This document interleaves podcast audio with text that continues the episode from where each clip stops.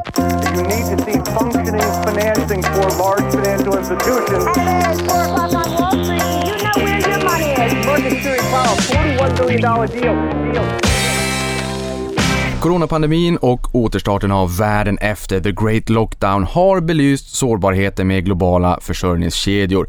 Det om något har fått många företag att fundera kring morgondagens tillverkningsprocesser och dessa försörjningskedjor. Många lär flytta hem delar av produktionen för att minska risken, alltså onshoring, men även lägga ut delar av produktionen på kontraktstillverkare. Det här vill vi naturligtvis veta mer om. Just därför har jag med mig kontraktstillverkaren Hansa i podden, ett bolag listat på small cap, ett marknadsvärde på nästan 1,6 miljarder kronor, 3780 avansianer i ägarled och med mig i studion har jag VD Erik Stenfors. Varmt välkommen hit! Tack, det är roligt att få vara här. Det är riktigt kul att ha det här. Jag ser fram emot det här. Vi börjar från början. Vem är Erik? Ja, jag är uppväxt norr om Stockholm i Danderyd. Jag är civilingenjör från KTH, teknisk fysik. Har jobbat i mitt yrkesverksamma liv eh, med att starta några bolag växelvis mellan att utveckla produkter och tillverka produkter och eh, egentligen fastnat i det senare så att jag startade Hansa år 2008 och har varit VD sedan dess då i 13 år. Eh, gift, har tre fina döttrar som nu är övre tonåren så betydligt svårare att hålla koll på dem än bolaget. Jag blir ju lite intresserad av dels Hansa 2008. Hur var det att starta bolaget mitt under brinnande finanskris? Ja, det var nästan värre än så. Man ska inte skylla på otur, men eh, vi hade officiellt eh, startdatum när vi berättade om bolagets första fas den 6 augusti 2008. Och då vet du vad som hände den 15 september. Ja, det var Liman. Så det var väldigt tufft och den första årsstämman som jag hade då 2009 så fick jag säga till aktieägarna att målet är varken att växa eller tjäna pengar utan att ha en andra årsstämma. För så illa var det. Vi visste inte vart det skulle bära hän. Åh oh, herregud. Eh, jag har ju förstått att du är en serieentreprenör. Berätta. Det är liksom, resan startade ju faktiskt inte 2008 med Hansa, utan det finns ju en lång resa dessförinnan. Ge oss hela resan, från ax till limpa, från BB till idag. Oj. Jag tror att om man, om man ska starta ett bolag så är det två saker. För det första så är det något man brinner för, så man kan ha det som hobby och jobba med det. Och för det andra är man riktigt arg på något. Det, det är därför man startar ett bolag och eh, eh jag började då efter eh, eh, tekniskt som produktutvecklare och köpte produktion från kontraktstillverkare och tyckte inte riktigt att de hade rätt fokus. Ehm, de förstod inte att fick vi inte leveranser så skulle vi stå helt still. Vi hade speciellt utmaningar med en elektroniktillverkare. Eh, och då var jag med och startade ett bolag som heter Note som hade ambitionen skulle då bli en, en bättre tillverkare. Så jag var lite arg och också väldigt intresserad eftersom det är ett eh, intresseområde för mig. Och sen startade jag ett annat bolag eh, lite senare då hade jag haft turen att få mina tre döttrar inom loppet av tre år. Så att eh, när det händer så blir man naturligt fokus på, på barn och man, man pratar med andra föräldragrupper. Man måste köpa många saker till sitt hem. Jag vet inte om du har barn själv? Två barn. Jag hör ju här att du har effektiviteten i blodet. Ja, det kan man säga. Batchstorlekar. Ja, nej men och, och, då eh, var jag väl inte riktigt nöjd med de eh, produkter som jag såg eh, och, och tänkte att Däremot det jag hörde från föräldrarna var väldigt bra idéer. Jag tänkte att de kan man omsätta till produkter. Så det blev ett bolag av föräldrar för föräldrar där jag egentligen tog idéer från de föräldrar jag träffade och sen omsatte det till produkter. Och det bolaget finns också kvar. Det heter Wonderful Times Group. Oerhört spännande och vi kan ju också säga det att eh, Note, det tidigare bolaget som du var med och eh, som du grundade gästade podden här i juni 2018. Vad har du med dig för erfarenheter från Note som du omsätter i dagens Hansa, ditt nuvarande projekt? Det är en riktigt bra fråga. Och jag har ett, någonting med bagaget där för att när vi startade Note så jag gjorde det med en huvudinvesterare, huvudinvesterare som hette Sten Dybeck. Han var ordförande, jag var VD och eh, det gick bra. Vi växte snabbt eh, upp det här bolaget. Sen gjorde vi en börsnotering och då kom det in flera, vi gjorde en ägarspridning, flera ägargrupper och det jag lärde mig då det var egentligen vikten av att hålla sams för det blev olika grupper, det blev olika diskussioner eh, i olika ägarled och, och, och, jag lämnade bolaget då på årsstämman 2006 och sen ett år efter på årsstämman 2007 så blev det en rejäl kollision och hela styrelsen slängdes ut och det har varit många turer efter det. Det var ett fientligt bud på bolaget och eh, en tuff resa. Eh, nu har det kommit in duktiga industriella ägare från AQ Group som har vänt runt det. Det går jättebra för Note. Och det är väl det som är lärdomen att eh, man måste ha samma inriktning i ägarled, i koncernledning, bland medarbetare och också samarbeta med eh, kunder och leverantörer. Om vi alla håller sams så kanske det inte går ändå. Men om vi inte håller sams, ja då går det verkligen inte. det är dagens visdomsord. Det är så himla härligt när alla springer åt samma håll, full fart framåt. Hansa erbjuder både kontraktstillverkning och kvalificerade rådgivningstjänster. Berätta. Ja, vi är som du säger en kontraktstillverkare vilket betyder att vi har inga egna produkter utan det vi tillverkar tillverkar vi åt våra kunder. Och klassiskt då är då kontraktstillverkare tillverkare av en viss teknologi så du gör ett kretskort eller du gör en plåtlåda eller du gör ett kablage. Vilket betyder att du måste ha väldigt många olika tillverkare och tillbaka till det här att vara lite irriterad. Det var det som fick mig att starta det här bolaget. Ska det behövas så här många olika tillverkare för en produkt? Och tanken med Hansa är ganska enkel. Att samla olika tillverkningsteknologier i ett bolag och också gruppera dem på vissa geografiska områden. Vi kallar det för tillverkningskluster. Det är ett centralt begrepp vi har. Och om du då som produktbolag kan lägga din tillverkning hos oss så får du flera fördelar jämfört med de här klassiska tillverkarna. Vi kan ofta sänka kostnaden, öka flexibiliteten, du kan få ett mindre negativ påverkan på miljön genom färre frakter. Och på så sätt har vi då lyckats eh, växa upp det här bolaget eh, under de åren och fått in väldigt fina kunder också. Och de är vi har inte någon inriktning så på kunderna utan det är olika branscher. Vi har från gruvindustrin, eh, Epiroc och Sandvik. Vi har från eh, medtechbolag som G Healthcare och Getinge. Vi har eh, klassiska energi och industribolag som ABB, Siemens. Så, så en spridning på, på våra kunder. Men gemensamt är då att, att komma med ett komplett erbjudande och försöka då sänka kostnader och öka flexibiliteten jämfört med klassiska tillverkare. Ja, för jag blir nyfiken på hur, hur, vanligt är det här? Jag menar, jag som kund, jag ser slutprodukten. Jag var tvungen att kolla på min iPhone nu, det står inte längre, men i tidigare modeller jag haft så har det stått Designed in Cupertino och Assembled in China. Mm. Hur vanligt är det att man lägger ut tillverkningen på en kontraktstillverkare men där man som kund kanske helt missar den delen av värdekedjan. Hur vanligt är det? Det är väldigt vanligt.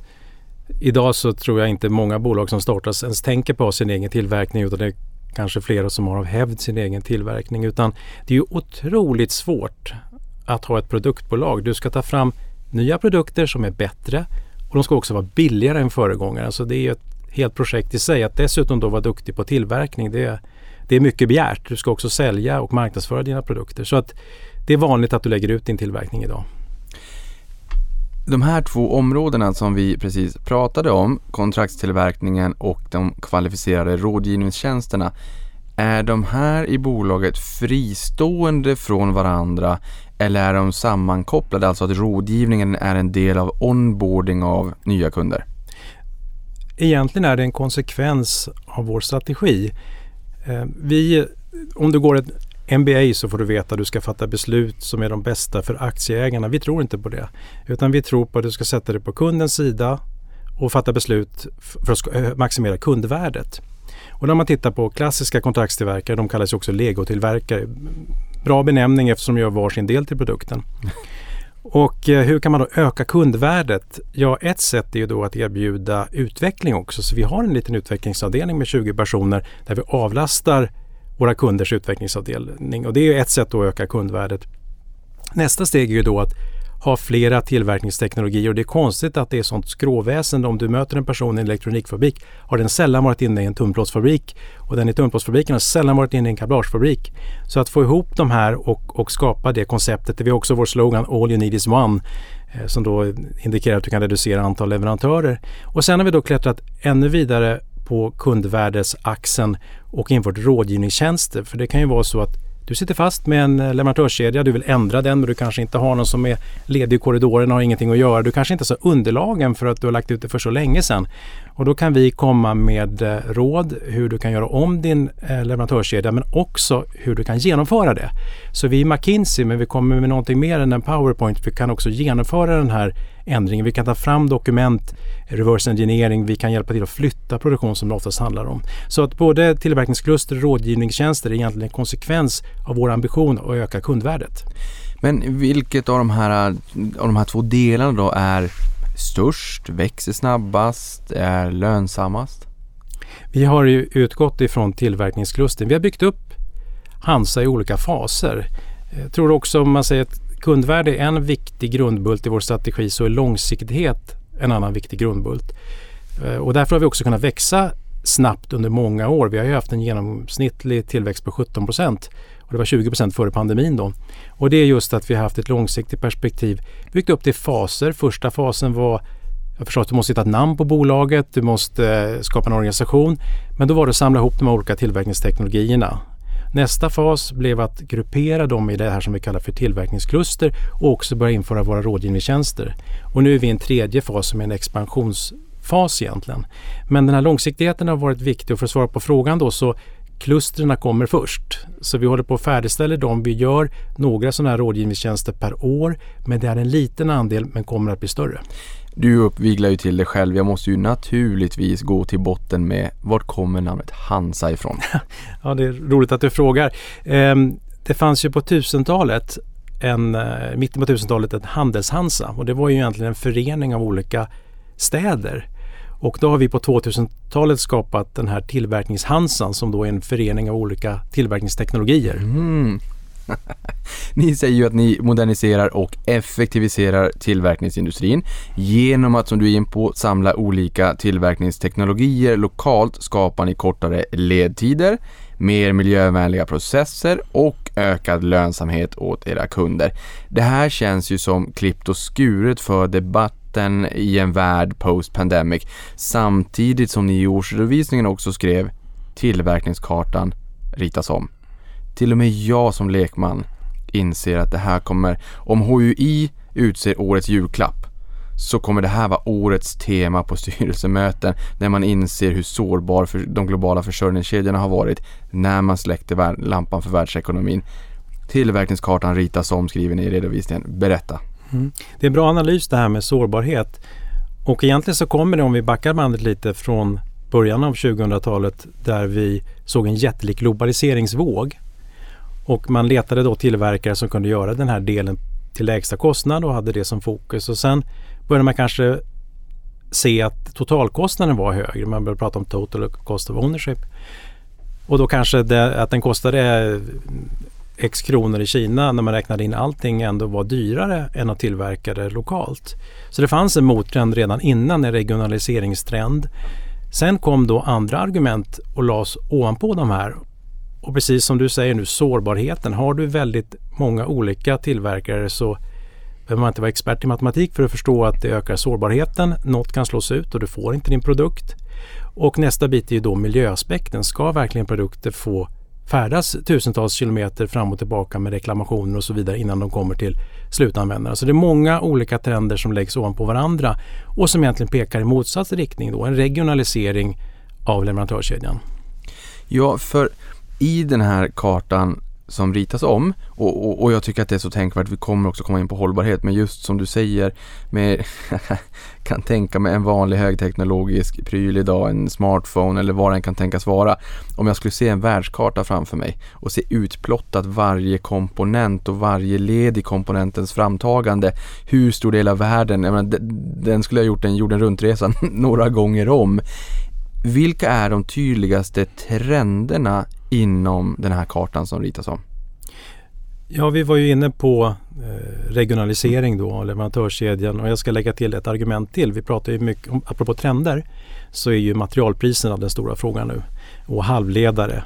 Och då har du sett att en halvledare kan gå upp från 6-7 dollar till 200 dollar, eh, ett minneskrets till exempel. Eh, och det är ju dramatiskt och dessutom så kan det vara så att istället för 5-6 veckors leveranstid så kanske du har 50-80 veckors, flera års leveranstid. Och då kan du helt enkelt inte möta det eh, på ett bra sätt utan du kanske måste till och med designa om. Men vad det här pekar på det är ju att när du väl kommer åt dina halvledare så vill du ha en kort produktionsprocess. Du vill inte att dina komponenter då ska växla mellan olika tillverkare utan du vill ha lite mer som en Formel 1-stopp. Att här kommer komponenterna, bygg produkten. Och det har också spelat lite till vår fördel med våra tillverkningskluster där vi har tillväxtteknologierna samlade. Vi gör ju inte halvledare då, men när vi får ändra på dem så kan vi snabbt omsätta det till en färdig produkt. Så för såklart eh, materialpriserna är en, en stor trend eh, och tittar vi annars på trender globalt så har vi också cybersäkerheten som är ett jätteområde. Eh, där man kanske inte tänker tillräckligt ofta och mycket på informationssäkerhet. Oerhört intressant. Vi har sett senaste veckan har vi haft attacker mot Acne, vi har haft mot Nolato, vi har haft Vestas Vind. Det här är ju bara senaste veckan och jag har förstått just nu att det sker riktade attacker mot svenskt näringsliv i detta nu. Och det här, eh, och tittar man på global basis, det är ju det är flera fall varenda vecka. Kan, kan du liksom kan du brodera ut lite grann kring denna digitala pandemi, cybersäkerhet och vart ni kommer in där? Ja, vi har ju dubbla orsaker att eh, vara säkra. Dels naturligtvis för att inte få stopp i våra fabriker men lika mycket för att skydda våra kunders underlag. Och vi har arbetat länge med det här och det är en stor fråga. Senast igår så ringde chefen från Finland till mig och frågade om det var jag som hade skickat ett mejl och det var det inte utan då, var det, då handlade det om att göra en överföring. Och det man jobbar med är egentligen tre led. Dels måste du säkra det hela hårdvarumässigt. Får du en attack på din dator så kan du inte ringa IT-avdelningen, det går för långsamt utan den måste stänga ner sig själv. Sen måste du utbilda personalen. Det är oerhört viktigt. Vi har månadsvis säkerhetsutbildning för vår personal för det, det rör sig så snabbt. Och sen måste du också skapa en, en, en företagskultur där man tänker på det här. Eh, det är inte säkert att man förstår hur farligt det är att klicka på en, på en länk. Men vad vi också jobbar med det är ehm, ISO-certifikat 27001 i informationssäkerhet. Och där tror jag vi har kommit väldigt långt. Vi har lite tur för vi har verksamhet i Estland. Och Estland har seglat upp som en av de stora IT-säkerhetsländerna. Efter ah, USA och Israel så kommer de på tredje plats. Mm -hmm. Riktigt duktiga på informationssäkerhet. Så där har vi eh, lagt vår IT-säkerhetsavdelning och jobbat länge med den. Så jag tror att även om vi inte är perfekta så har vi kommit ganska långt.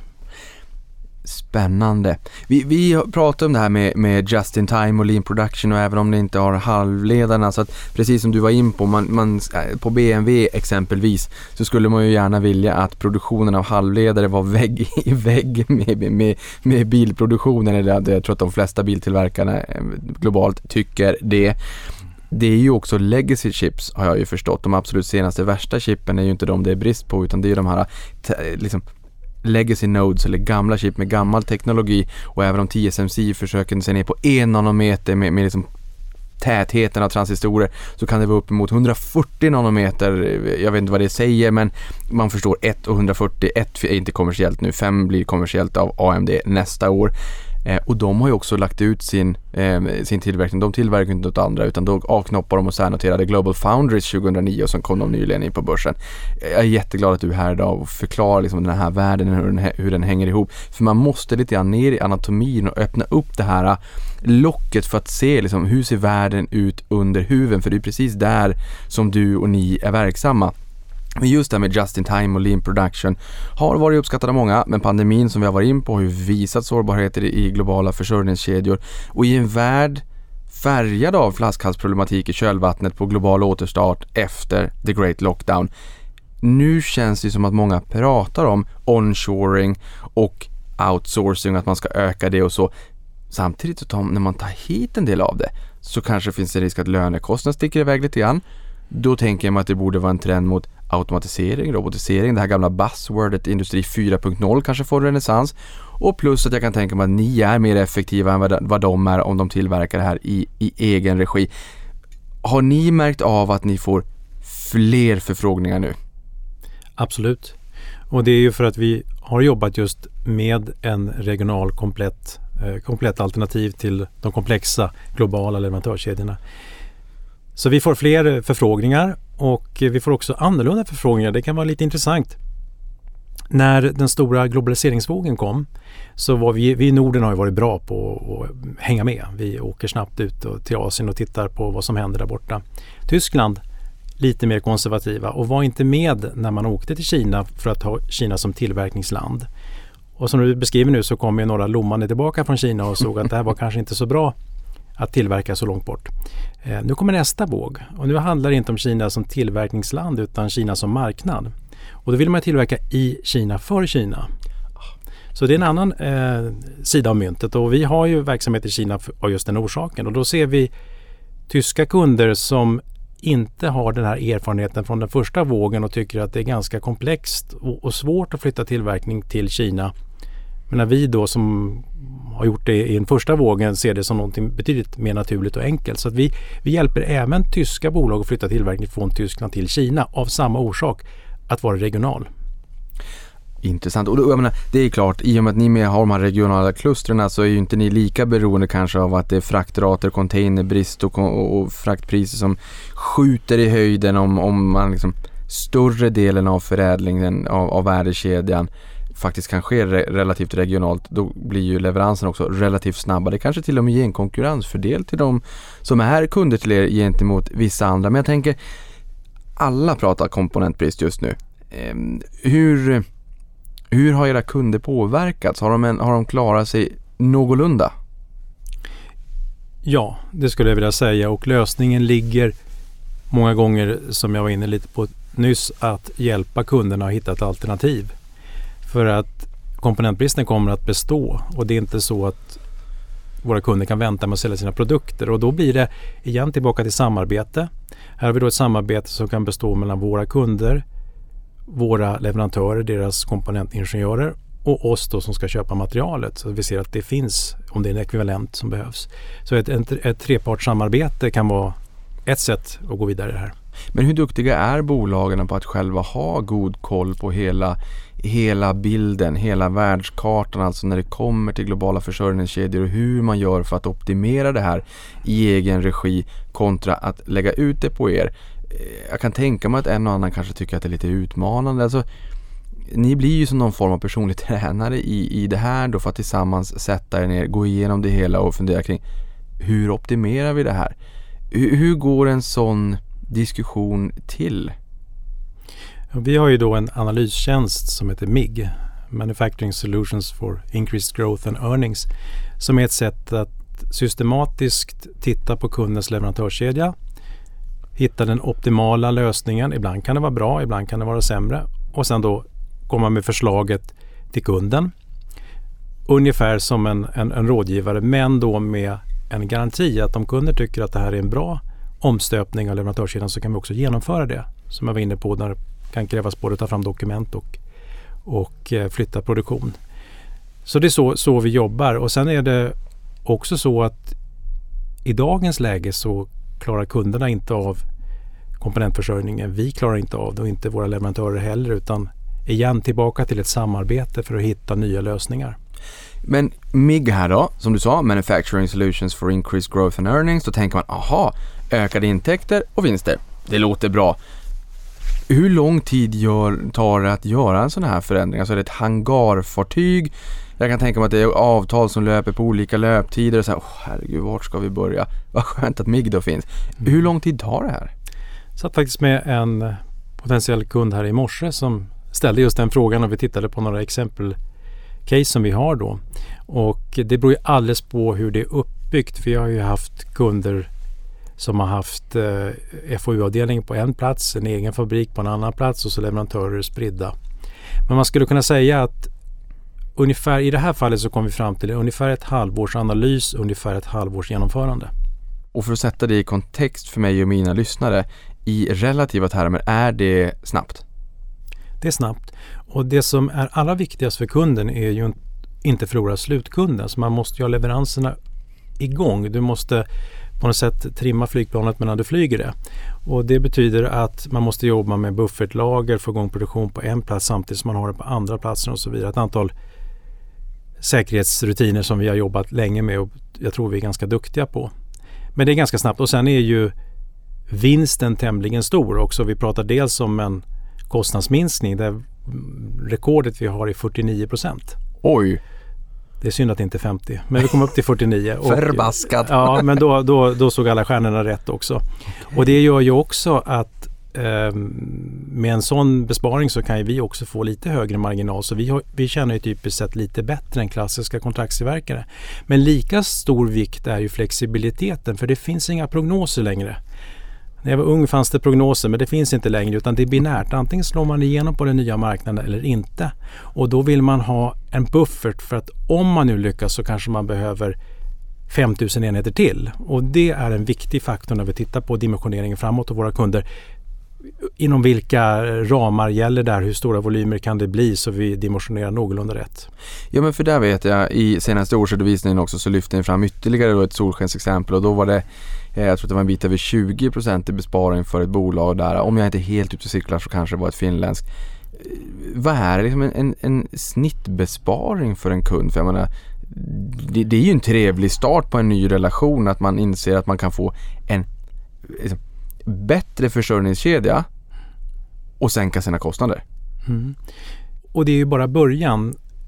Vi är ju inte bättre än vår senaste föreställning så det räcker ju inte med en engångseffekt utan vi måste ju också säkerställa att vi genom skalfördelar och på annat sätt kan fortsätta att sänka kostnaderna. Så vi säljer ju egentligen inte tillverkning utan vi säljer ett sätt att kunna över tid sänka kostnaden kontinuerligt och behålla en hög flexibilitet. För det är ju det vad produktbolagen helst vill ha. Så vi har inga, inga, eh, man ska nog se siffrorna över tid. Hur mycket lyckas vi sänka varje år? För det är också viktigt. Men skickar ni tillbaka kom, färdiga komponenter till kunderna eller liksom, det här jag sa med, med Design in Cupertino och eh, Assembled in China. Sätter ni ihop allt det hela och till och med kan skicka ut till slutkunderna? Vi, vi skiljer på det som kallas för part production och part assembly. Så vi gör de ingående delarna. Vi kan göra ett exempel. Vi gör returautomater. Och då har det varit säkert och, och pantat några flaskor någon gång. Är väl- Tomra, ska jag älska att ha Tomra här i podden. Strukturell tillväxt, megatrend, fantastiskt bolag. Eh, storägare Latour också. Och, och då är det väldigt mycket bakom det här hålet i väggen som man inte ser. Eh, och, och du ska göra plåt, du ska göra kretskort och så vidare. Och då, om man gör det här på rätt sätt så kan man göra väldiga besparingar kontra de här legotillverkarna. Men sen gäller det som sagt att vara med på nästa generation och då måste du också vara med på eh, FoU och det är därför vi har vår utvecklingsavdelning som jag nämnde. För där måste vi vara med och produktionsanpassa nästa generation för att säkerställa en, en bra kostnadsutveckling igen.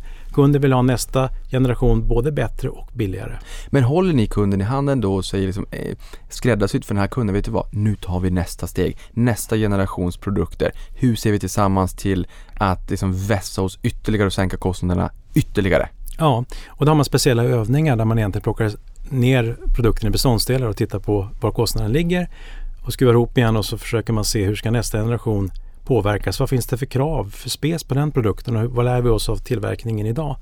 Och så arbetar man så metodiskt för att få ner priset. Någonting som jag tycker är intressant är, inte minst med halvledarbristen vi ser globalt och också vilken påverkan det faktiskt får. Jag menar det här har blivit en global eh, politisk maktbricka.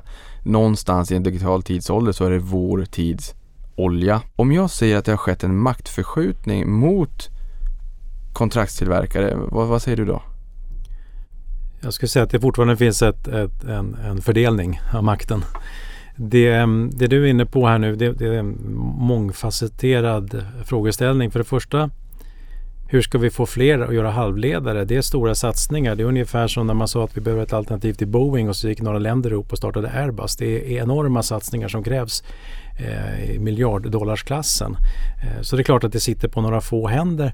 Sen för oss som tillverkare så är det lite annan frågeställning. Det jag var inne på när det gäller att sänka kostnaden för våra kunder.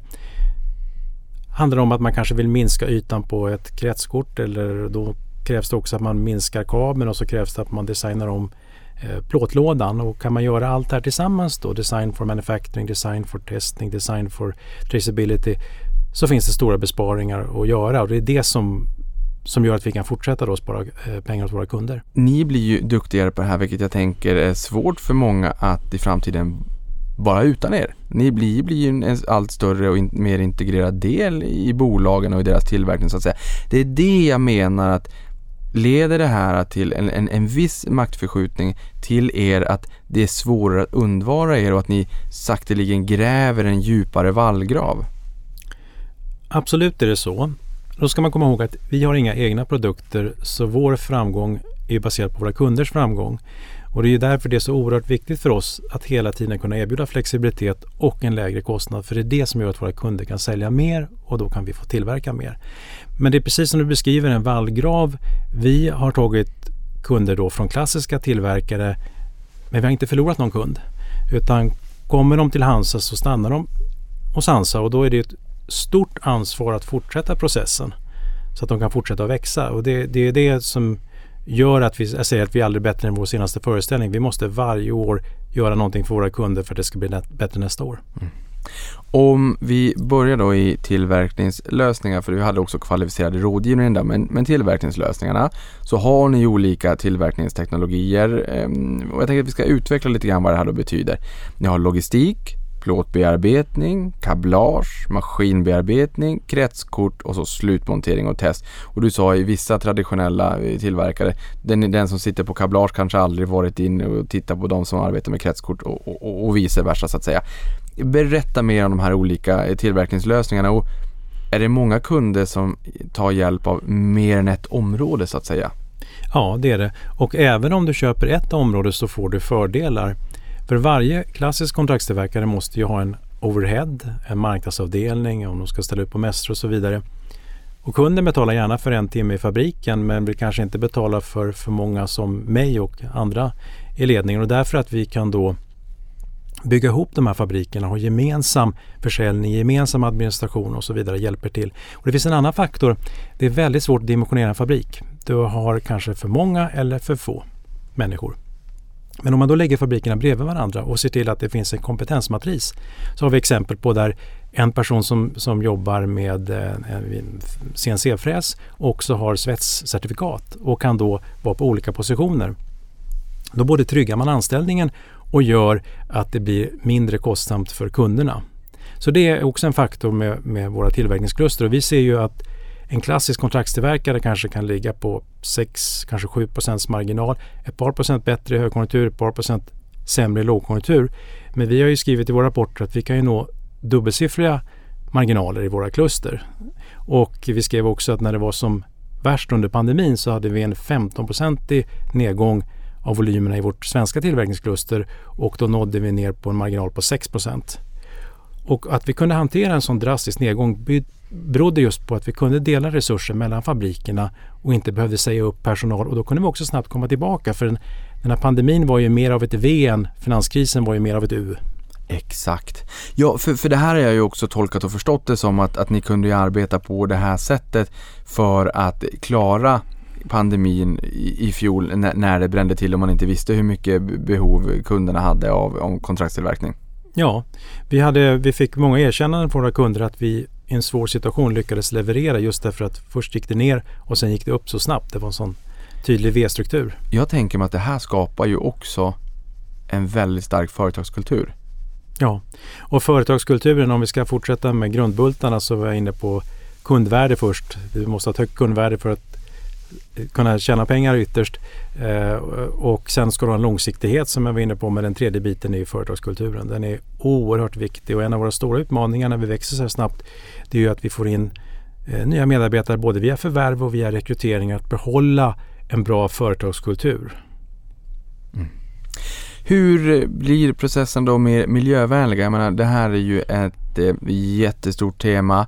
Vi har nyss haft FNs klimattopp... Eh, vi har nyss haft FNs klimattoppmöte COP26 i Glasgow. Det här är på allas eh, läppar. Det här är på allas agendor. Den här trenden är stark idag och den kommer bara bli ännu starkare.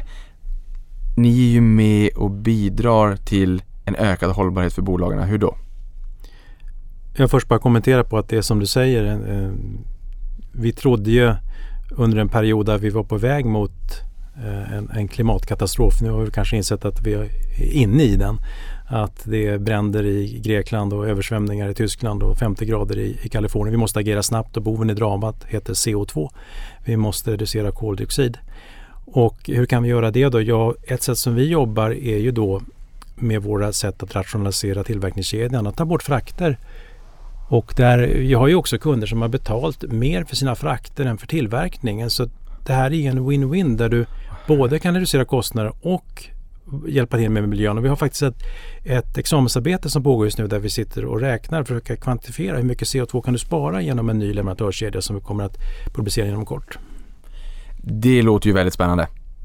Därför vi har exempelvis en taxonomi som kommer. Det sätter griller i huvudet på många företagsledare. Det kan jag tänka mig. Hur man, det är inte så att, eh, antar jag, att man inte vill vara hållbar i hela, i, i hela ledet. Men man måste ha koll på allting och vad det betyder. En sån här märkning om hur mycket man kan spara när ni, när ni har de här kvalificerade rådgivningstjänsterna med MIG-programmet där. Eh, om man kan få en sån siffra och hur man kan liksom hur mycket CO2-utsläpp man kan bespara. Det är ju nästan som att säga att en krona topline trillar rakt ner på sista raden som en krona i vinst. Fast i hållbarhetstermer. Det här måste ju vara enormt efterfrågat i framtiden. Ja, och, och det är bättre än bra. Man pratar ibland om win-win eh, och förutom då att vi jobbar med att effektivisera leverantörskedjor och ta bort onödiga frakter så jobbar vi förstås med att reducera vår förbrukning och våra utsläpp i våra fabriker. Ungdomen är ju väldigt miljömedveten och ett sätt, vi pratar om, om företagskultur, det är ju att visa att klimatfrågan är viktig. Då kan det attrahera, det är ett sätt att attrahera eh, unga människor. Och då får du dels sparar du pengar genom att du jobbar med att reducera waste. Dels hjälper du miljön och dels attraherar du personal. Så det är till och med en win-win-win. Exakt. Äh, oerhört spännande. Och det är klart, jag menar, fraktpriser, de har stigit rätt mycket i pris. Det, genom att bara kapa bort det där så leder det till marginalexpansion, allt annat lika. Plus att det minskar utsläpp av koldioxid. Jag tror att det både för mig och för lyssnaren börjar trilla ner en polett varför regionalisering av de här klustren nog är ganska smart. det märks att ni har tänkt till. När vi startade Hansa så var det många olyckskorpar som sa, men vad ni gör, ha inte produktion i Sverige. För den kommer, det fanns till och med ett slutdatum för industrin i Sverige som de hade räknat ut. Allt skulle flyttas ut, allt skulle till Asien då. Ja, det var deppigt. Ja, det var inte länge sedan det här men det var ändå en helt annan värld. Och vi sa då att nej, det kommer att komma en, en tillbakagång för det är så rationellt att tillverka lokalt. Och nu har vi då ett tillverkningskluster i Sverige med 450 medarbetare som går riktigt, riktigt bra. Och vi kan öka, ta nya kunder, fortsätta växa. Lite på temat vad var, vi, vad var det vi sa, men också i positiv benämning för att det betyder ju att industrin är ju en sysselsättningsmotor i Sverige och oerhört viktig också. Ja, och jag tänker mig liksom, jag är nyfiken på vilka era kunder är och för dem blir det ju också en fjäder i hatten när man i större utsträckning framåt kommer behöva transparent redovisa att man är hållbar i hela försörjningskedjan. Och då kan det vara ganska vettigt kanske att ha liksom sourcingen av, av alla komponenter man behöver från regional tillverkning. Ganska trevligt och man kan säga Made in Sweden igen. Och det här är, nu är vi inne på något väldigt intressant. Nämligen att Sverige är ju av tradition ett uppfinnarland. Det är ingen slump att Nobelpriset kommer från Sverige. Vi har väldigt många innovationer i Sverige, brukar komma högt på index. De här uppfinnarna behöver tillgång till tillverkning. Det finns ett osynligt eh, gummiband mellan utveckling och tillverkning. Så flyttar tillverkningsindustrin ut, då måste också utvecklingen flytta ut om det ska gå att ta fram rationella produkter.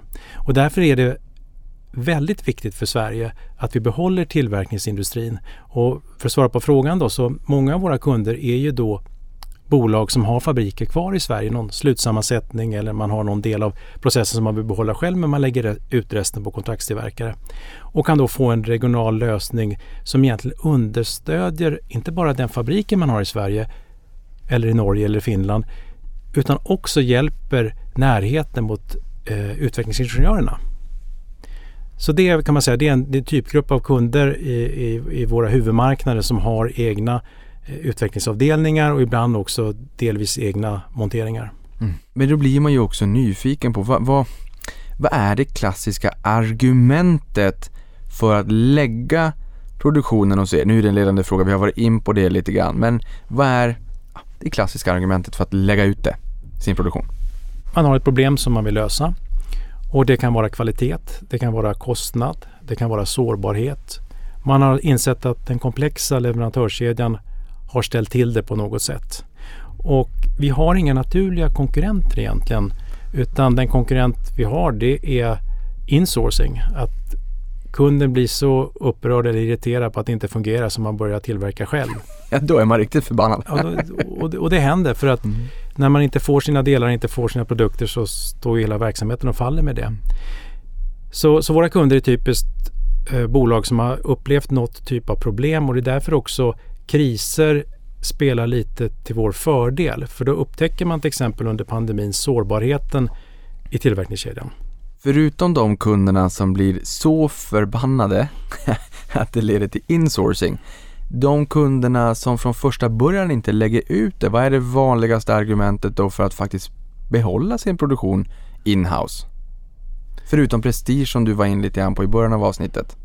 Jag skulle vilja vända på frågan och säga att det vanligaste skälet till att man lägger ut sin tillverkning är tillväxt. Man har börjat i någon ända och valt att då ha tillverkning och så helt plötsligt så har man ett genombrott och det växer väldigt snabbt. Och man inser att det här kommer inte vi kunna hantera själva. Vi kommer inte kunna både utveckla produkter och tillverka produkter i den storleken. Så att när ett bolag når en viss storlek då, då brukar man komma till den slutsatsen att det är bäst att vi lägger ut tillverkningen. Mm. Just nu så ritas ju den här kartan om, som vi har varit in på, en väldigt tydlig trend är regionalisering. Där är ni väl positionerade, ni har era tillverkningskluster. Vi har varit in på det, det har varit lite en röd tråd i avsnittet fram till nu. Men nu kommer de få stå i strålkastarljuset. Berätta allt vi behöver veta om tillverkningskluster. Ja, det blir en lång långt inslag det här. Jag gillar utsvävningar. Ja, vi har idag sex tillverkningskluster. Vi har ett i Sverige, ett i Finland, ett i Tyskland, ett i Centraleuropa, ett i Baltikum och ett i Kina. Och de är av lite olika art för att vi jobbar då mot vissa marknader där vi har kunderna och det är då Norden och Tyskland. Och de kluster som vi har i de områdena tjänar då normalt sina inhemska kunder som jag var inne på att man har ett behov av att tillverka för lokala fabriker. Medan de kluster som vi har på de andra platserna normalt tjänar mot flera marknader. Så i Kina till exempel så har vi då flera kunder både från Norden och från Tyskland som vill ha produktion nära den marknaden. Och likaså i Centraleuropa och Baltikum. Medan vi då i Tyskland, Finland och Sverige mest har inhemska kunder. Och eh, också en annan skillnad är att det är en högre automatiseringsgrad normalt i huvudmarknaderna. Mycket drivet av att kostnadsläget har varit högre och de fabriker som är kvar har tvingats automatisera i större grad. I andra länder har man haft möjligheten att ta in ytterligare personal. Men det här jämnas ju snabbt ut också så vi ser ju en väldigt effektivisering också utanför Norden och Tyskland. Ja, för jag menar de här tillverkningsklustren de delas ju upp i segmenten då, huvudmarknader och övriga marknader och dessutom har ni ju affärsutveckling. Du sa det här, bolagen kan gärna betala för en timme i fabriken men kanske inte jättemycket för konferenser etc. och mässor och sådär. Ehm, men i de här ehm, segmenten då, huvudmarknader kontra övriga marknader, vad, vad hittar vi där i? Ja, huvudmarknaden består av kluster som ligger i kundländer. Så där har vi Sverige, Finland och Tyskland.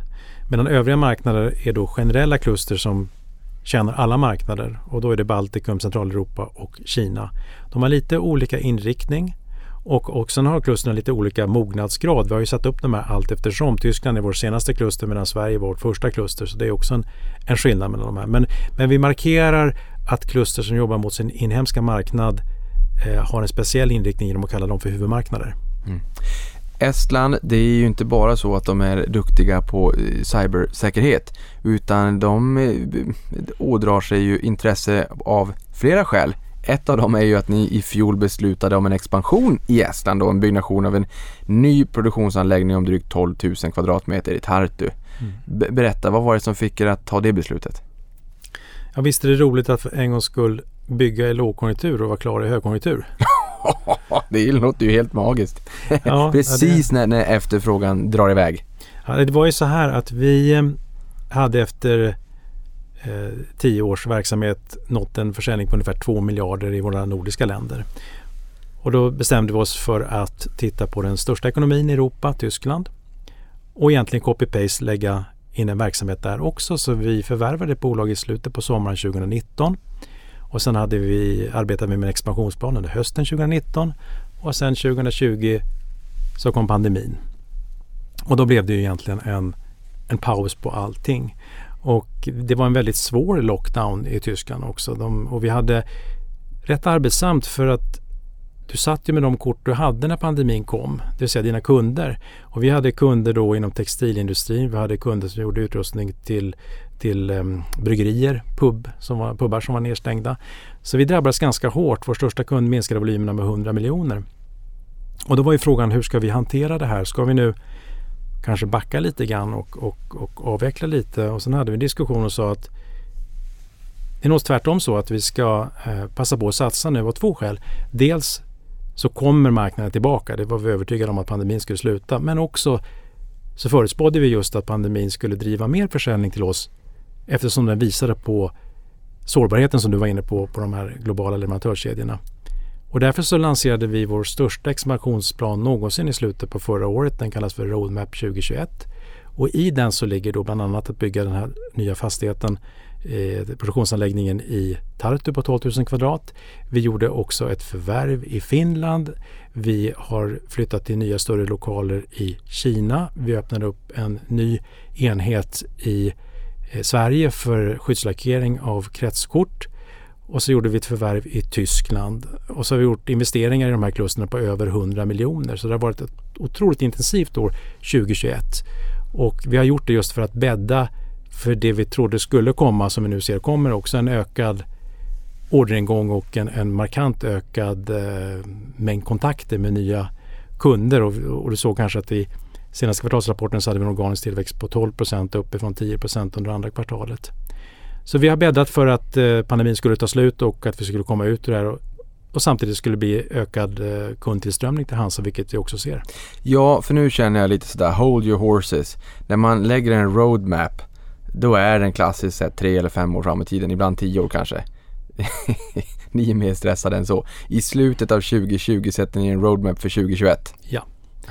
Och, och det är också, jag kan nämna en annan sak som jag tycker är intressant. Vi har en väldigt decentraliserad organisation. En liten koncernledning bestående av mig själv, en COO och en CFO. Och sen har vi våra tillverkningskluster som har fantastiskt skickliga chefer, våra sex klusterchefer. Och det för med sig att jag är varm anhängare av decentralisering.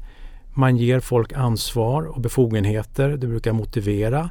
Plus att man kommer närmare ut mot kunden. Det är lättare att fatta kloka beslut. Det är lättare för Centraleuropa att veta vilka investeringar de ska göra än om jag ska fatta de besluten. Så jag är varm anhängare av decentralisering i allmänhet.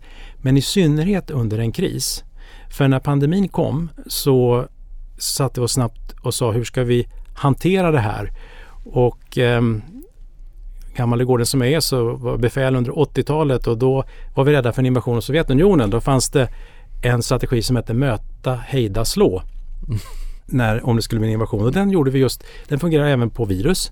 Och då första steget var att möta det här viruset genom att eh, då sätta in regler för att inte få in smittan i fabrikerna. Så att det gäller att skiften inte ska gå omlott, att vi inte ska bjuda in leverantörens chaufför till våra toaletter och så vidare. Eh, och sen det andra var ju då att försöka hejda, det var ju en fallande eh, intäktsström så vi måste då ta ner våra fasta kostnader och så slå, då kom vi till Roadmap 2021. Vi måste ju komma tillbaka till där vi var innan pandemin. Så vi måste hitta korrigerande åtgärder för att hämta hem så det blir ett hack i kurvan. Och då var den decentraliserade organisationen fullkomligt fundamental. För det gjorde då att vi kunde jobba i bredden. Du säger att det var ett år men orsaken till att vi lyckades med det är ju då att vi har de separerade klustren. Var och en fick sin uppgift i den här roadmappen och Estland fick jobba med sin fabrik, Kina med sin fabrik och så vidare. Intressant. Jag tänker också, du pratar om 2 miljarder där i försäljning, största kunden 100 miljoner. Hur ser kundkoncentrationen ut? Är det en, en mindre del av kunderna som står för en större del av, eller så är det ju alltid, men en stor del av intjäningen? Jag tror man ska se på kunder ungefär som investerare ser på aktier. Vi har en kundportfölj och vi gäller att vikta den på bra sätt. Så vi har olika branscher som har olika cykler och vi får inte ha för hög koncentration så vi har en regel att ingen kund får stå över 10% av vår omsättning. Och de 10 största kunderna måste gå under 50% av vår omsättning. Och det har vi jobbat med och följt och det var också en del av orsaken att vi kom igenom pandemin så pass bra. Jag tänker också på det här med forskning och utveckling som vi pratade om tidigare. Hur, hur kapitalintensiv är den här branschen? Hur, hur mycket kommer ni löpande behöva investera i verksamheten? Den är oerhört kapitalintensiv och då kommer man in egentligen på viktiga frågor hur man ska driva ett bolag. VD är ju oftast intresserade av tillväxt och vill sälja mycket och sen kanske man är intresserad av lönsamhet. Men den allra viktigaste frågan är kassaflöde. Så vi har jobbat väldigt mycket med kassaflöde på Hansa och eh, jag brukar säga att vår CFO har svart bälte i, i, i kassaflöde. och därför är det lite arbetsamt just nu. Kassaflödet behöver du ju då just för investeringar, för amorteringar, för aktieutdelningar, för alla de slagen. Och eh, du kan inte betala av lån med några komponenter utan du måste ha likviditet.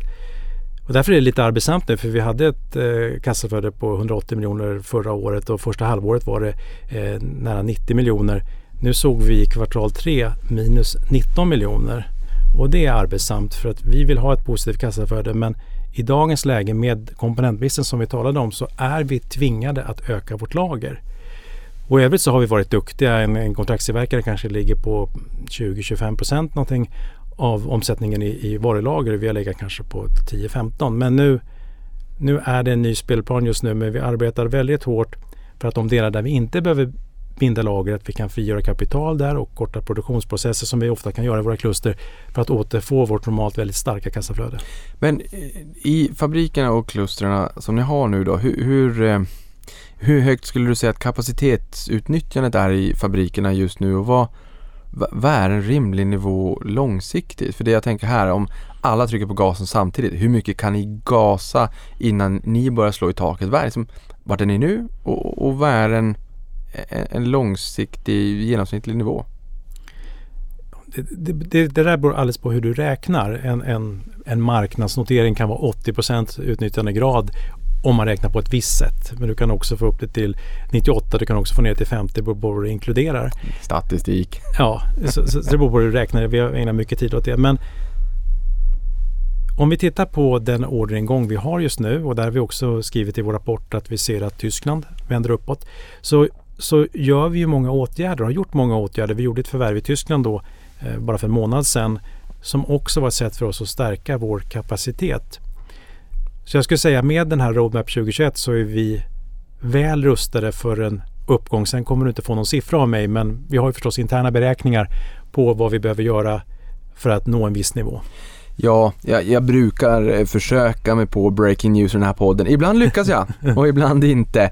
Du pratar om förvärvet i Tyskland 25 oktober. Löning förvärvade ni Helmut Beyer. Beyers, säg Bayer, ba Bayer va? På tyska säger man Bayers, på engelska säger vi Beyers. Tack! Den 25 oktober förvärvade ni Helmut Beyers, eller Helmut Bayers då, en elektroniktillverkare i vadå? Mönchengladbach. Exakt, ungefär sju mil från er övriga verksamhet i Tyskland. Vad fick er att trycka på köpknappen? Vi är ju en typ av serieförvärvare i slow motion. Så vi har förvärv som en viktig del av vår affärsmodell. Men vi har också tydliga kriterier för att skapa stabilitet i de här förvärven. Och vi säger att vi köper inte bolag för att bli större utan för att bli bättre. Och då finns det ett antal villkor vi bygger kluster så det ska vara geografiskt nära. Och det ser man båda, på de båda förvärv vi har gjort i år att det ligger geografiskt nära. Det var sju mil i Tyskland och det var åtta mil i Finland som vi gjorde i våras. Jag ska tillföra en teknologi. Vi ser ju de här olika teknologierna som våra verktyg i vår verktygslåda. Vi har väldigt många men det finns alltid någonting man kan tillföra. Här fick vi en del avancerad elektroniktillverkning. Och i Finland i våras så fick vi eh, eh professionell lackeringslina så teknologi är också en väldigt viktig fråga. Och sen är det förstås kundbasen. Kunderna ska passa in. Vi vill ju helst att de ska växa efter ett förvärv och utnyttja våra andra erbjudanden i Hansa. Så vi undersöker kundportföljen. Och sen slutligen och absolut inte det minsta personalen. För vi har det här fokus på medarbetare och en decentraliserad organisation. Köper man ett bolag som har varit väldigt toppstyrt och haft en entreprenör så passar det inte riktigt in i Hansa utan vi vill ha lokala beslut och därför så gör vi också, förutom en eh, due diligence på legalt och finansiellt och skattemässigt så har vi också en HR due diligence som är väldigt viktig. Ja, okej. Du är, ja, det kanske man gör, men du är första personen här eh, som, som pratar om det. Är det liksom, Jag vet inte hur vanligt det är men för oss är företagskulturen en av våra grundbultar som jag nämnde förut. Så att, eh, Jag blir väldigt glad att du säger det för jag tar ofta upp frågan kring företagskultur och hur den ser ut. Jag jobbar själv på ett företag med en extremt stark företagskultur. Den här frågan är oerhört viktig för mig. Jag tycker att om man har två bolag, man ger dem en lika stor påse pengar men det är en, ett av bolagen har en urstark företagskultur och den andra har en, blir som en skuren bearnaisesås. Så vet jag vem jag tror kommer lyckas över tid. lägga till där att, att vi jobbar ju mycket då med eh, nyckeltal och med medarbetarundersökningar. Och det jag ser som framgång det är att vi får bättre i våra index på medarbetarundersökningar fast vi köper bolag. Normalt brukar det vara lite friktion när man kommer in i en ny grupp. Men vi har lyckats öka varje år och då är det ett par grundläggande saker. Bland annat och jobba då med de etiska frågorna. Se till att det inte finns korruption eller trakasserier i någon form. Vi jobbar mycket med det, allt från tone till topp till att vi har en whistleblower-funktion. Sen handlar det om att man inte ska bli skadad på sin arbetsplats. Händer det någon olycka i Hansa så rapporteras det direkt till mig. Vi ligger nu kanske på två olyckor i månaden. Det är för mycket men vi definierar då en olycka från att att du inte kan fortsätta, du måste gå ifrån. Och det kan vara en, en, att, du, att du skär det eller, eller stukar det men det är fortfarande för mycket. Och sen förstås också det här som vi pratar om med miljön, att, att vi hela tiden eh, jobbar med våra medarbetare decentraliserat. Hur ska vi hitta nya vägar och, och eh, spara våra utsläpp och minska vår förbrukning? Så det här i kombination brukar ju också, eller gör ju också att det attraherar medarbetare som ser att vi tycker de här frågorna är viktiga. Ja, och, jag tänker på det vi pratade om förvärv där tidigare. Jag hade en liten, en liten sån där fundering kring vad ni värdesätter mest om det är förvärva kunder, kundbas eller marknadsandelar. Nu sa du att det var teknologi och det var det jag också hoppades på. Finns det fler pusselbitar i det här pusslet för att ta en större del av det låter fel att säga av kundernas plånbok. Går det att hjälpa kunderna med ytterligare en pusselbit och låta de affärerna landa hos er än hos någon annan? Absolut. Och vi har ju en plan för de teknologier som vi vill ha in-house och de vi vill köpa. Och det, det som du sa, det är teknologi en av de viktiga förvärvskriterierna. Men också geografi då för att bygga kluster och som jag sa medarbetare och kundportfölj. Hur, hur, eh, hur stor är den totala adresserbara marknaden då för er och, och hur stor är er marknadsandel där i? Det finns ingen bra undersökning av vår marknad. Man kan till exempel titta på undersökningar hur stor är marknaden för elektroniktillverkning. Men vi pratar ju om produkter så det är egentligen, man börjar närma sig en andel av BNP, hur stor andel av ett land är produkter. Så det är svårt att sätta en siffra på det men eh, den tangerar till, till det oändliga. Eh, eftersom vi då gör så skilda produkter och i skilda länder så är det inte så att, att marknaden egentligen kommer ta slut för oss utan för oss handlar det om att igen hjälpa våra kunder att växa snabbare. Det är ett bra sätt att, att få tillväxt, att ha nya kunder och gamla kunder som växer. Och sen förstås också att lägga på nya teknologier och som du är inne på också då dels få en större andel men också kunna göra en större besparing åt kunden. Mm. Ja, för i det här fallet så handlar det inte bara om att ta in nya kunder naturligtvis utan också om att växa med sina kunder. Men när de växer, som du sa, en, ett, ett gott skäl till att välja en kontraktstillverkare som er är ju att man, man fokuserar på tillväxt. Då stiger ju volymerna naturligtvis också. En sak som jag tror att många är lite nyfikna på när det kommer till kontraktstillverkare. Nu sa du ju här att det var liksom tvåsiffriga eh, marginaler här tidigare och att när ni under krisen landade ner på 6% vilket i branschen är MVG eh, är det så nära på i alla fall som möjligt som någon form av, av snitt. Vän av ordning här blir ju lite nyfiken på hur pass konjunkturkänslig skulle du säga att er verksamhet är? Och finns det olika delar i de här teknologierna men kanske även kunder, du jämför ju som en portfölj där med, med riskspridning som balanserar ut varandra. Så att under en normal konjunkturcykel att de lite grann minskar svängningarna så att vi inte får eh, en, en tandemrörelse som, som uppskjutet och fritt fall på, på eh, Gröna Lund.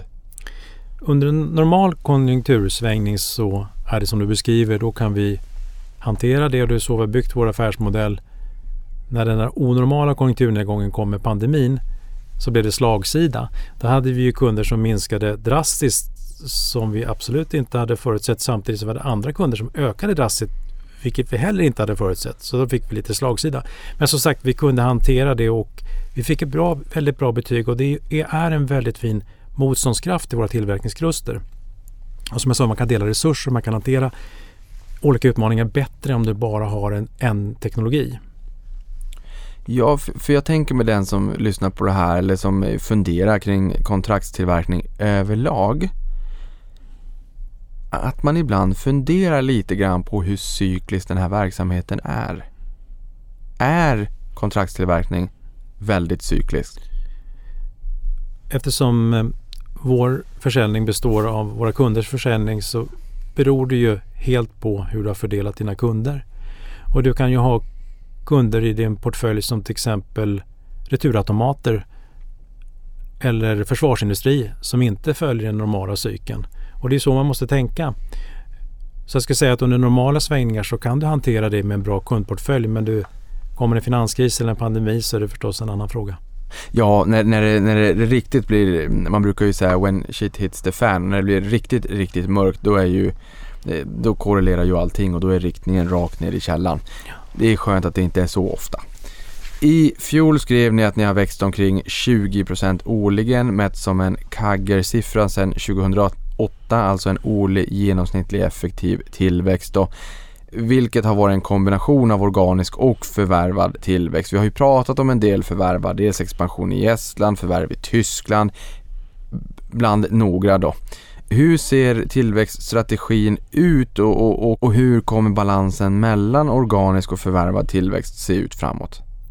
Vi har ju historiskt haft ungefär 50-50 och eh, det är en bra fördelning. Det kan också vara så att eh, i en konjunkturnedgång så gör du fler förvärv och i en konjunkturuppgång kanske du gör färre förvärv. Men eh, det som egentligen gör att det går att växa som vi har vuxit, vi har ju vuxit varje år exklusive 2014 där vi hade otur på två fronter. Dels var det Norge där oljepriset halveras från 100 dollar fatet till 50 dollar fatet. Och dels var det Ryssland där Putin samtidigt gick in i Krim och vi lyckades med konststycket att ha en, en, en, en smalare kundportfölj och då gick vi ner. Men exklusive 2014 har vi växt då varje år. Och sättet att göra det på är ju bland annat ta nya kunder och förvärva. Men det är också viktigt som jag var inne på förut, den här långsiktiga planen att vi har delat upp Hansa i olika faser. Där vi gör steg för steg metodiskt och vi stämmer av och så inför vi nästa fas och så vidare. Det, det är enda sättet att kunna växa under så många år så snabbt som vi har gjort. Men på tal om förvärven här då. Är marknaden där ute fragmenterad eller skulle du säga att den är relativt konsoliderad? Den är väldigt fragmenterad om man tittar på branschen kontaktillverkare om det, det är det du frågar efter. Så um, finns det väldigt många och då ska man komma ihåg att vi är ju då kontaktillverkare i olika teknologier. Och då finns det väldigt många där ute och det är väldigt många till salu också. Vi får frågan nästan varje vecka av någon kontraktstillverkare som, som är till salu.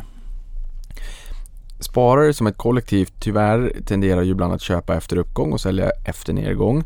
Eh, vilket inte är bra. Tvärtom är mycket bättre ett inverterat förhållande. Du säger att ni kanske köper mer när, när konjunkturen viker och går ner och köper mindre när den går upp. Det låter ju väldigt bra att ha. Liksom, det låter ju bättre än tvärtom. Ni köper alltså mer när, när det viker och när, när liksom konjunkturen och efterfrågan försämras. Man kan säga så här att och prislapparna blir billigare på bolagen kanske. Ja, vi kan se vårt senaste förvärv som då var bolaget i Tyskland som ett jättefint välskött bolag men som fick det väldigt arbetsamt under pandemin. Och jag brukar jämföra de här eh, kontraktstillverkarna som är självständiga med ett hotell som inte ingår i en hotellkedja utan finns i någon stad. Det är väldigt jobbigt när det blåser snålt. Jag tror att många tycker det är oerhört skönt att komma in i en större organisation och också få en utveckling av affärsmodellen. Man behöver inte vara en elektroniktillverkare som konkurrerar med andra elektroniktillverkare. Det finns väldigt många i Tyskland. Utan man kommer in på ett koncept där man har en, en annan affärsmodell. Och det är klart att efter en, en tuff resa som pandemin så är man kanske lite mer mottaglig för att diskutera en affär. Hur ser era finansiella mål ut då? Vi har tre stycken finansiella mål. Dels är det då tillväxt som ska över en konjunkturcykel överstiga 10 procent. Och det är ju ett, det är ett mål som vi, vi klarar och sen har vi ett marginalmål på ebit 6 procent. Och det, jag ska återkomma till det varför vi har satt det så, men där har vi inte uppnått det över en konjunkturcykel. Och sen har vi soliditet 30 och det klarar vi också. Och sen har vi en utdelningspolicy på 30% av resultatet efter skatt eh, givet att verksamheten så tillåter och det klarar vi också eh, att dela ut. Men tillbaka till marginalmålet. Vi har ju sagt nu att vi befinner oss i, i fas nummer tre och det här kanske är en av de vanliga frågorna som dyker upp bland analytiker. Ni har en högre marginal i era tillverkningskluster men ni har ändå en lägre marginal på koncernnivå. Hur kommer det sig? Och det är ganska enkelt. Vi bygger tillverkningskluster och när de är mogna så har de en fin marginal men när vi utvecklar dem, det som utvecklar en produkt, så kostar det pengar. Då, då kanske man till och med har negativa marginaler. Och Det betyder att allt eftersom vi bygger upp kluster så får vi en större andel som är mogna och har en bra marginal. Och om vi nu, nu har vi sex kluster, skulle vi lansera ett sjunde kluster så blir det en mindre andel av totalen. Och Det är då förklaringen till varför vi satte det här marginalmålet under den här fasen, fas 3, till 6% För då räknar vi med att de, de kluster som är mogna kommer att leverera en väldigt fin marginal och sen kommer vi ha några som vi utvecklar som sänker den marginalen. Ja, och det är ju rimligt. Jag menar, ni är ju ett, ett, ett tillväxtbolag. Men jag tänker någonstans att eh, du har sagt att segmentet övriga marknader kommer att öka sin rörelsemarginal betydligt. Och då tänker jag mig fas 4 justerar ni upp målet på rörelsemarginal över en konjunkturcykel då? Ja, det är ju en väldigt bra fråga såklart. Och vart landar det? Ja, och jag ska säga först att vi blev ju försenade i den här fasen med pandemin. Den förutsåg vi inte och vi hade varit väldigt tydliga och jag tycker vi varit tydliga i våra rapporter när vi bedömer hur framtiden ska se ut och det är klart att 2020 hade blivit något helt annat om vi inte hade gått in i pandemin. Nu är vi något år sen. Å andra sidan har vi gjort roadmap 2021 så vi har en, en, en lite starkare plattform. Men det är klart att den här, det här marginalmålet är anpassat för den här fasen. Och det kommer att komma en fas 4 och då får vi se om vi justerar marginalmålen. Men jag är lite nyfiken på fas 10 också. Det här känns som att det här är din bebis och, och att ni, ni gör det här tillsammans. Det känns ju inte som att du kommer lämna det här för någon, någonting annat. Nej. Vad är slutmålet? Eller, det, det tar ju aldrig slut. Men, men, men, men vad är drömmen liksom? Vad, vad vill du lämna efter dig? Det här är förstås en jätterolig resa. Nu har jag varit VD i 13 år och jag hoppas på att vara VD i 13 år till. Jag kommer upp i pensionsåldern. Um, och vi har ju en plan som egentligen är den som är standardmässigt. Om man tittar på svenska bolag hur de har vuxit ut i världen så brukar det vara tvärt emot den gamla sången First we take Manhattan, then we take Berlin. Mm. Man går åt andra hållet. Man börjar med Tyskland och sen kanske man vågar sig ut i USA. Och vi har inte någon annan plan heller utan vi, vi ska nu expandera i Tyskland och sen kan det förstås bli övriga Europa och sen kan det förstås bli på andra sidan Atlanten. Men vi kommer tillbaka allt eftersom och, och, och presentera våra mål. Just nu så är vi inne i fas 3 och då handlar det om att eh, göra copy-paste på det vi gjort i den nordiska marknaden till Tyskland och infria våra marginalmål. Det låter bra.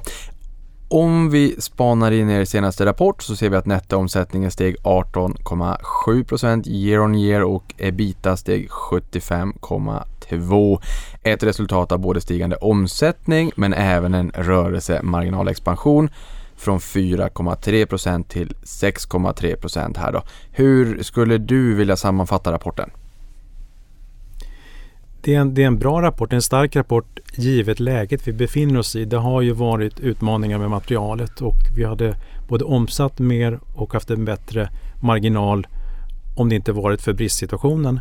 Och vi har varit tydliga med det i, i rapporten också att vi har haft en väldigt stor tillväxt i övriga marknader och samtidigt haft en lägre marginal. Och det är klart, växer du väldigt fort så blir det extra jobbigt med material. Lite lugnare i, i huvudmarknader och där hade vi 9,5% så bättre marginal också. Ja men med tanke på de här bristerna som gör att det stör lite grann. Det måste ju finnas en ganska hygglig operationell hävstång när, när, liksom, när komponentbristen och materialbristen så sakteligen eh, fasas ut.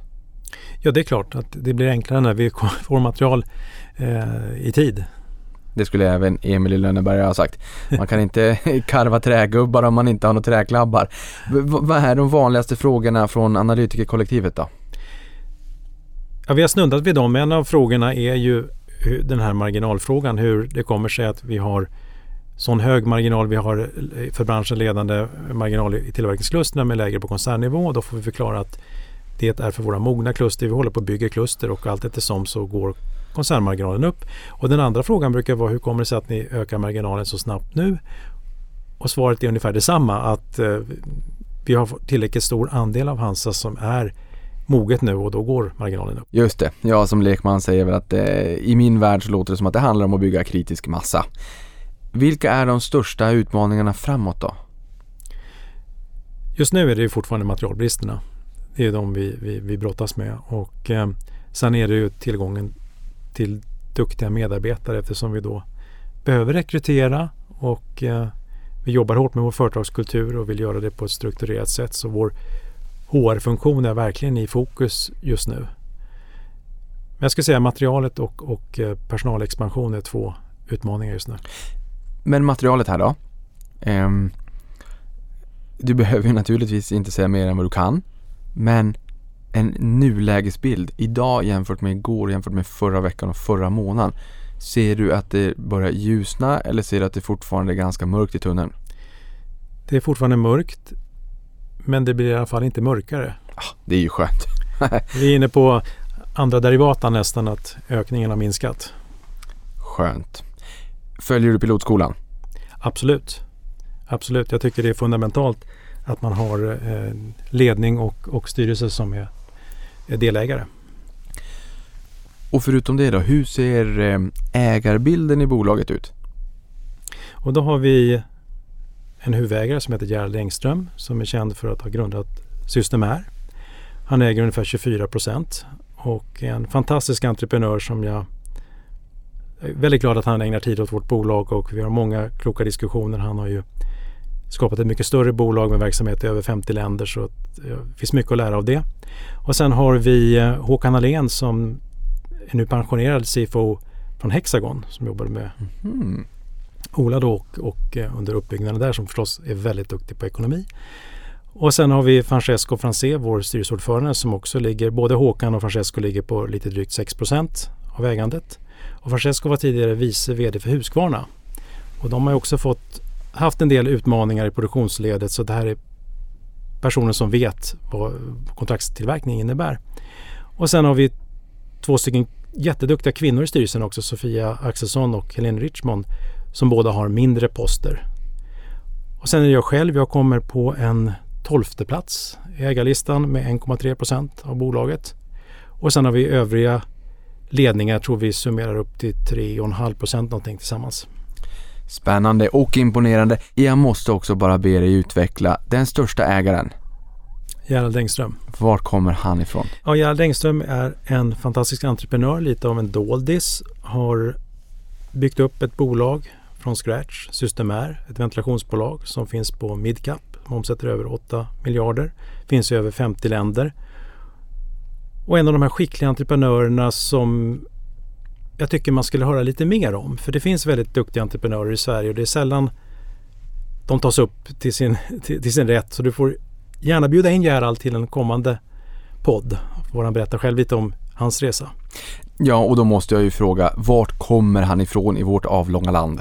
Han kommer från Boden. Det finns en enda podd i Sverige om börs, sparande och finans som en bodensare gästar och det är en annan bodensares podd. Så när du träffar honom eller pratar med honom så säger du att jag bjuder på en varm kopp kaffe och sen ska både jag och mina lyssnare få inspireras av den här doldisen som har byggt upp ett stort imponerande bolag. Det ser jag fram emot. Den sista frågan för att wrappa ihop det här. Vart tror du att ni befinner er om fem år? Då befinner vi oss i slutet av fas nummer fyra. Som jag berättade så har vi byggt upp Hansa i faser och vi skulle ha kommit längre nu men befinner oss fortfarande i fas tre, det vill säga att expandera till Tyskland. Efter det så kommer nästa fas som kommer bli väldigt spännande.